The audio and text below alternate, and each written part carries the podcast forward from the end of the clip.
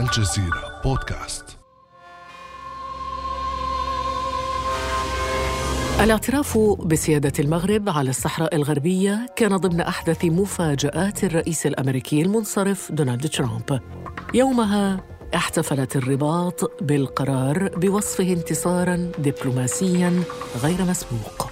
واحتفى أيضا ترامب بانتزاع اتفاق تطبيع جديد أهداه إلى إسرائيل. وبين الاثنين شرعت تل أبيب في جني ثمار التطبيع بوصول أول طائرة إسرائيلية إلى المغرب. فما أهمية إعلان ترامب الاعتراف بسيادة المغرب على الصحراء سياسياً وقانونياً؟ هل يملك الرئيس الأمريكي جو بايدن التراجع عنه أو على الأقل مراجعته؟ وهل تلقت الرباط ضمانات أمريكية باستمراره بصرف النظر عن تغيير الرئيس؟ بعد أمس من الجزيرة بودكاست أنا خديجة بن جنة.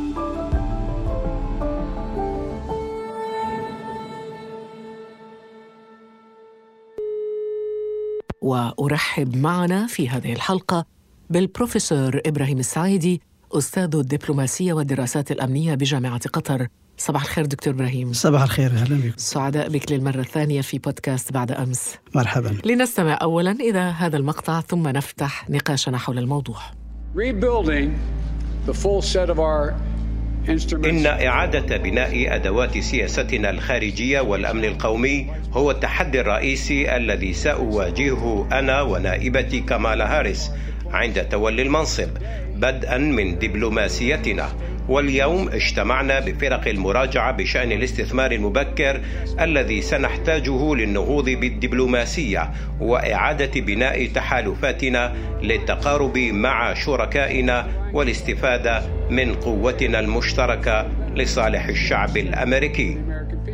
إذا بروفيسور إبراهيم السعيدي استمعنا معا الآن إلى تصريح الرئيس جو بايدن بعد اجتماع عقده مع فريقه للسياسة الخارجية والأمنية والذي كما استمعنا أكد فيه عزمه على إعادة بناء سياسات بلاده بما يخدم المصالح الأمريكية. وانطلاقا من هذا التصريح سننطلق لنستشرف سياسات الرئيس جو بايدن فيما يتعلق بقضية الصحراء الغربية. لكن لابد من الحديث أولا دكتور عن الإعلان الرئاسي لترامب. توقيت هذا الإعلان وقيمته القانونية وأيضا الجدل الذي أثير حوله إذا دكتور ما القيمة السياسية والقانونية للإعلان الرئاسي للرئيس الأمريكي المنتهي ولايته دونالد ترامب وما مدى دستورية هذا القرار؟ من وجهة نظر القانون الدستوري يعتبر القرار الذي اتخذه الرئيس الأمريكي قرارا دستوريا ويحترم مبدأ دستورية القوانين وضمن هذا السياق فالرئيس الأمريكي مارس صلاحياته التي يمنحها له الدستور في اتخاذ مثل هذه المراسم وحتى في توقيع الاتفاقيات. وأقول هنا توقيع الاتفاقيات وليس التصديق عليها لأن التصديق عليها من صلاحيات الكونغرس. ولهذا فإن هذا القرار يعتبر من وجهة النظر الدستورية قرارا ملزما لجميع المؤسسات الأمريكية وإلى حد الآن يعتبر أن الموقف الرسمي للولايات المتحدة الأمريكية كدولة وهو أن المغرب يمارس سيادته على الصحراء أو على منطقة الصحراء. فمن وجهه من بناء على هذه القراءة القانونية فإن ما قام به ترامب وما اتخذه من قرار يعتبر سليما ودستوريا.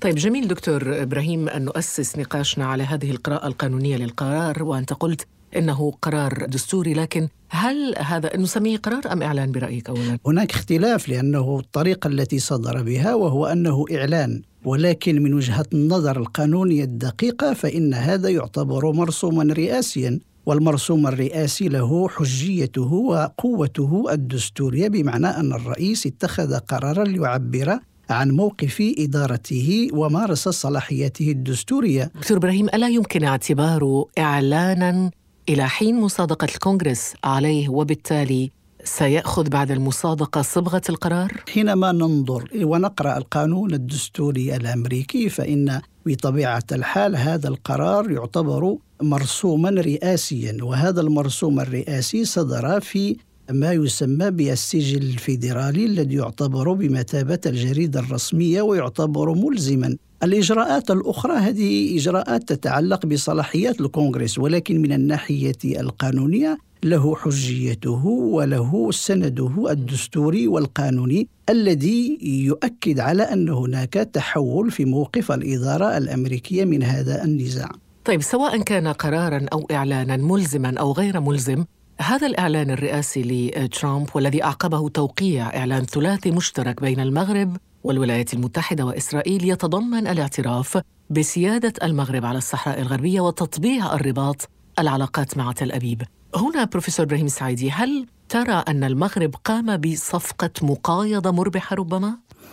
يمكن أن نقول هذا بأن هناك قضية صفقة ولكن يجب أن ننظر إلى القرار من وجهة النظر السياسية في إطار تحولات عرفتها المنطقة العربية وفي إطار وجهة نظر الأمريكية المتعلقة بالصراع العربي الإسرائيلي. صحيح أنه المغرب وفاوض الإدارة الأمريكية عما يمكن أن يجنيه من شأن عودة العلاقات أو التطبيع أو فتح المكتب الإسرائيلي الذي كان قد انطلق في بداية تسعينيات القرن الماضي ولكن هذا يدخل ضمن قراءة ورؤية الإدارة الأمريكية لتدبير الصراع العربي الإسرائيلي وكانت الإدارة الأمريكية ترى من مصلحتها ومن مصلحة إسرائيل التي تعتبر بالنسبة إليها حليفا استراتيجيا وتسعى إلى تأمينها وتقويتها أن يكون هناك مزيد من دفع الدول العربية إلى التطبيع وإيجاد نوع من العلاقات يعني المتوازنة بين إسرائيل وجيرانها.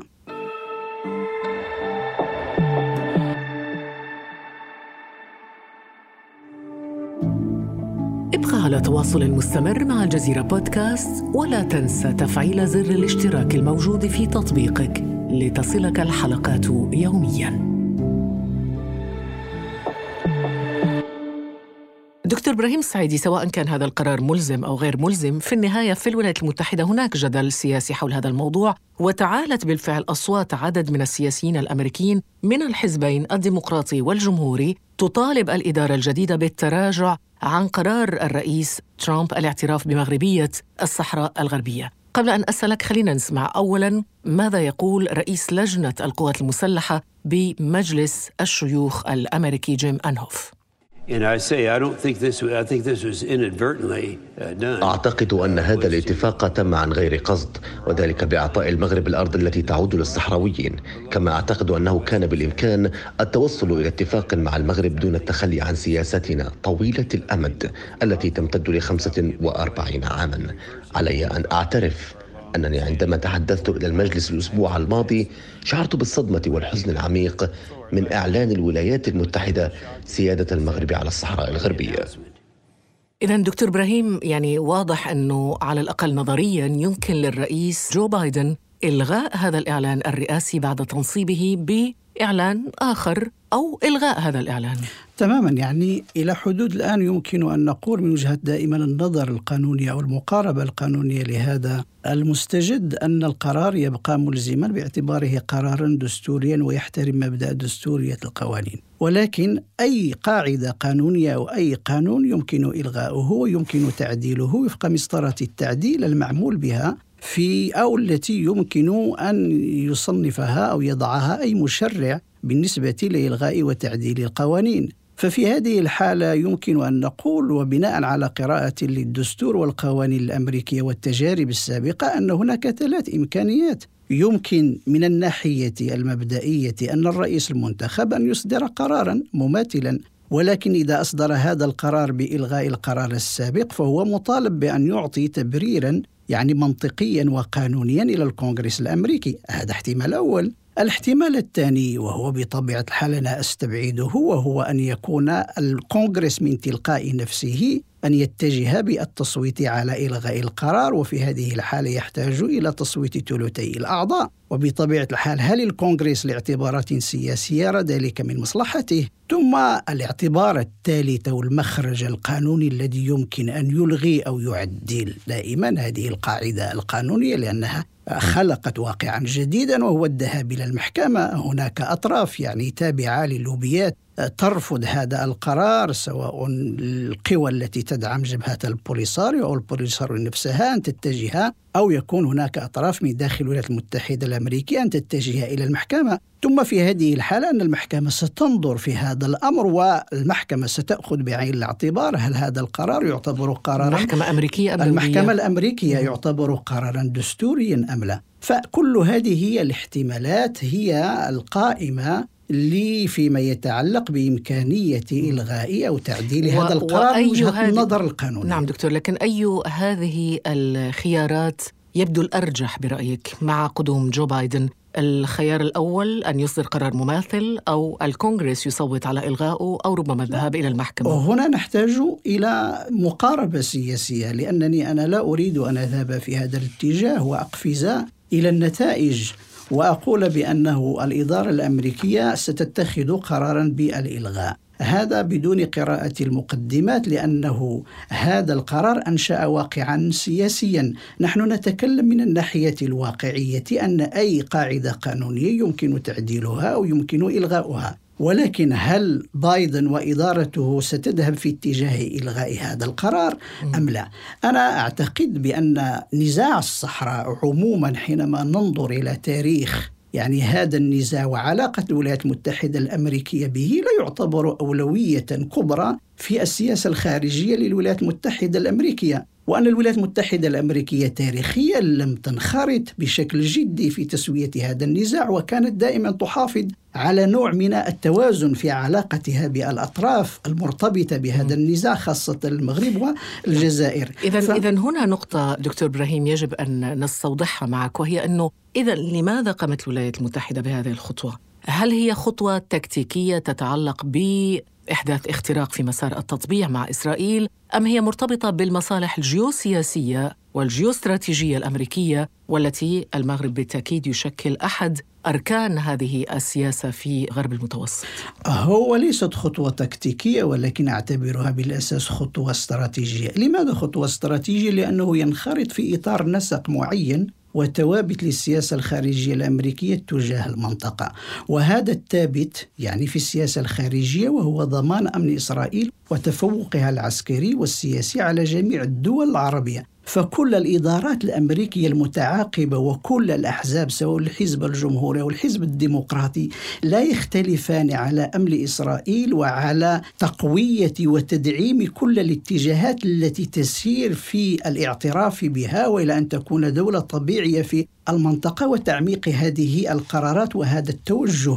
فبالتالي سنرى بأن هذا القرار يرتبط بسياق إقليمي وبسياق نعم. دولي وبأن الولايات المتحدة الأمريكية ستقدم قراءة لهذا القرار بناء على مصلحة إسرائيل التي تعتبر بالنسبة إليها حليفا استراتيجيا وبناء على أولوياتها تجاه هذه المنطقة التي تعتبر أن تطبيع الدول العربية معها يعتبر من إحدى الخيارات الأساسية طيب التي لكن الرباط تبدو واثقة من استمرار إدارة بايدن في الاعتراف بمغربية الصحراء وعينها على ما تعتبره علاقات استراتيجية بين البلدين تتجاوز اللون السياسي لساكن البيت الأبيض. دعنا نستمع أولا إلى سعد الدين العثماني رئيس الحكومة المغربية. هذا المكسب الدبلوماسي غير المسبوق الذي حققته بلادنا أربك خصوم وحدتنا الترابية والوطنية. وأيضا أربك بعض المشككين وهو ما تجسد في لجوئهم إلى أساليب مضللة ومغرضة تتجلى بالأساس فيما يلي. التشويش عبر الترويج لسهولة تراجع الإدارة الأمريكية المقبلة عن هذا الاعتراف ويتم ذلك عبر حملات إعلامية تضليلية ومناوئة غير أن كل هذه الأساليب المغرضة والمضللة لن تفلح فهي مردودة على أصحابها. يعني سعد الدين العثماني رئيس الحكومة يبدو واثقا من أنه لا تراجع عن هذه الخطوة. لكن السؤال الآن بخصوص هذه الثقة العالية لدى الحكومة المغربية من أن الرباط حققت مكسبا كبيرا. كون الولايات المتحدة هي أول عضو دائم في مجلس الأمن يعترف بالسيادة المغربية على الإقليم. برأيك دكتور إبراهيم ما هي الأوراق السياسية والاقتصادية التي تملكها الرباط لإغراء الرئيس المنتخب جو بايدن؟ بالإبقاء على قرار سلفه دونالد ترامب. لا يمكن أن نتكلم هنا عن أوراق سياسية واقتصادية. يمكن أن تستعملها الرباط في الحفاظ على هذا المكسب كما أسماه رئيس الوزراء وهو مكسب سياسي واستراتيجي وتحول حقيقي في مسار هذا النزاع لأن موازين القوى السياسية والاقتصادية والعسكرية تختلف ولكن يمكن أن نعكس السؤال بصيغة أخرى ماذا يمكن أن تخسر الولايات المتحدة الأمريكية إذا ما أقدمت على التراجع على هذا القرار؟ يعني بين, بين الولايات المتحدة والمغرب من يبدو الخاسر الأكبر؟ يعني أكيد المغرب وليس الولايات المتحدة. بطبيعة الحال يمكن أن تكون الخسارة مشتركة في الاتجاهين. طيب ما هي الخسارة الأمريكية في هذه الحالة؟ الأمريكية بطبيعة الحال أن هذا يتناقض مع أحد ثوابت السياسة الخارجية تاريخيا في المنطقة لأنها وهذا هذه ليست سابقة دكتور ليس يعني أوباما وقع على الاتفاق النووي مع إيران وجاء ترامب وألغى هذا الاتفاق وانسحب من الاتفاق النووي. هذا شيء جيد ولكن العلاقة مع إسرائيل تختلف في علاقة الولايات المتحدة الأمريكية. أنا أتكلم عن تفسير سلوك سياسي لدولة اتخذته في إطار نسق معين وهنا أريد أن أضع فرضيات منطقية وفرضيات عقلانية وأقول من وجهة نظر الواقعية السياسية هل بالفعل من مصلحة الولايات المتحدة الأمريكية أن تنقلب على قرار أنا انطلق من قاعدة أساسية.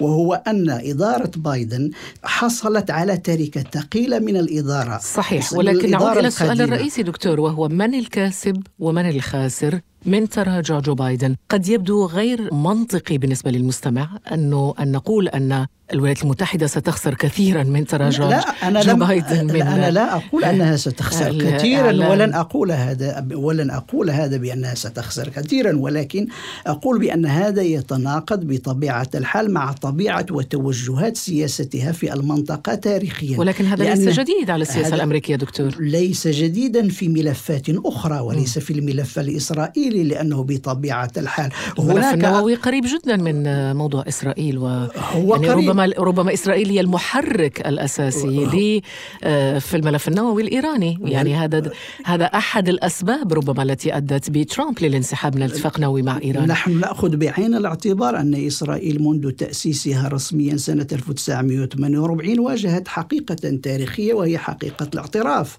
وأن تكون عندها علاقات طبيعية مع دول الجوار. وأن الولايات المتحدة الأمريكية على الأقل منذ سبعينيات القرن الماضي ذهبت في اتجاه دفع عدد من الدول العربية وأشرفت على عدد من المؤتمرات السلام صحيح صحيح. إذا دكتور إبراهيم ما الذي يضمن ألا يتراجع جو بايدن عن هذا الإعلان الرئاسي الذي أصدره ترامب؟ وترامب نفسه كان قد انسحب من اتفاق نووي مش أمريكي دولي وقعته أيضا دول أخرى مع إيران.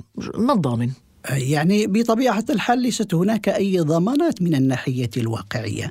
يمكن للإدارة الجديدة أن تقدم تقديرا مختلفا عن تقدير الإدارة القديمة وتتراجع عن القرار إذا كانت هناك مبررات سياسية تقنع الإدارة على أن ما أقدمت عليه الإدارة القديمة يتنافى مع أولوياتها وسياستها آه، الخارجية. لكن هذه الضمانات غير موجودة من الناحية الواقعية ولكن نحن هنا مجموعة من الفرضيات التي تذهب في اتجاه على أن هناك لن يكون هناك تغيير في هذا الملف وأن الإدارة الجديدة ستشتغل على أمور أكثر أهمية وستحافظ على نفس الموقف لعدد من الاعتبارات. الاعتبار الذي ذكرناه وتحدثنا عنه طويلا وهو مصلحة ودور إسرائيل وأن هناك مكسب حقيقي بالنسبة لإسرائيل في هذا الموضوع.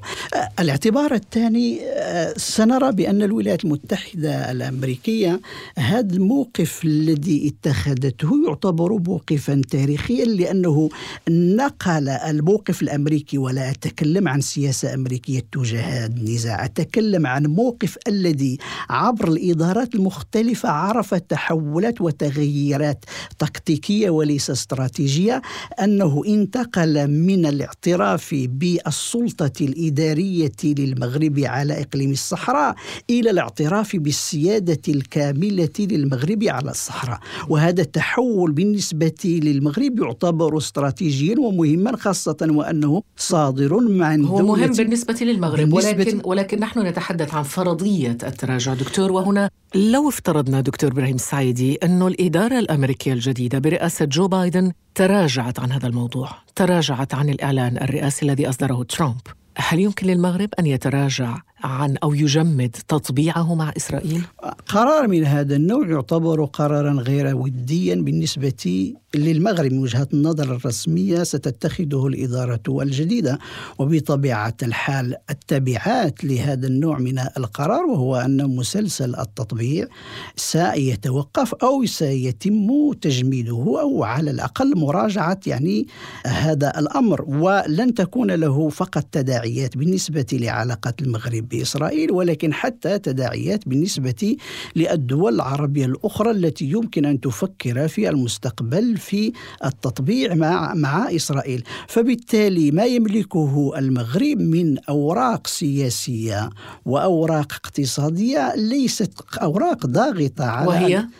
ليست اوراقا ضاغطة على الإدارة الأمريكية الجديدة. ولكن أنا أقول من الناحية السياسية ليس لديه أوراق للضغط على الإدارة الأمريكية المغرب. أوراق ضاغطه إلا إذا أخذنا بعين الاعتبار ما يمكن أن تقوم به إسرائيل واللوبي الإسرائيلي الذي يعتبر لوبي نشط في الحفاظ على هذا المكتسب فبطبيعة الحال هذا القرار هناك جهات من تعارضه ولكن ما هي حجمها وما هي قوتها وما هي قدرتها على التأثير ودفع الكونغرس إلى مراجعة هذا القرار؟ فأنا أرى بأن هذا القرار سيخلق واقعا جديدا في واشنطن وهو صراع اللوبيات التابعة للمغرب. وإسرائيل من جهة واللوبيات التي تدعمها القوى التي تتبنى أطروحة الانفصال أو تدعم جبهة البوليساريو. شكرا لك البروفيسور إبراهيم السعيدي أستاذ الدبلوماسية والدراسات الأمنية بجامعة قطر على هذه الإضافة الجميلة في بودكاست بعد أمس. كان هذا بعد أمس.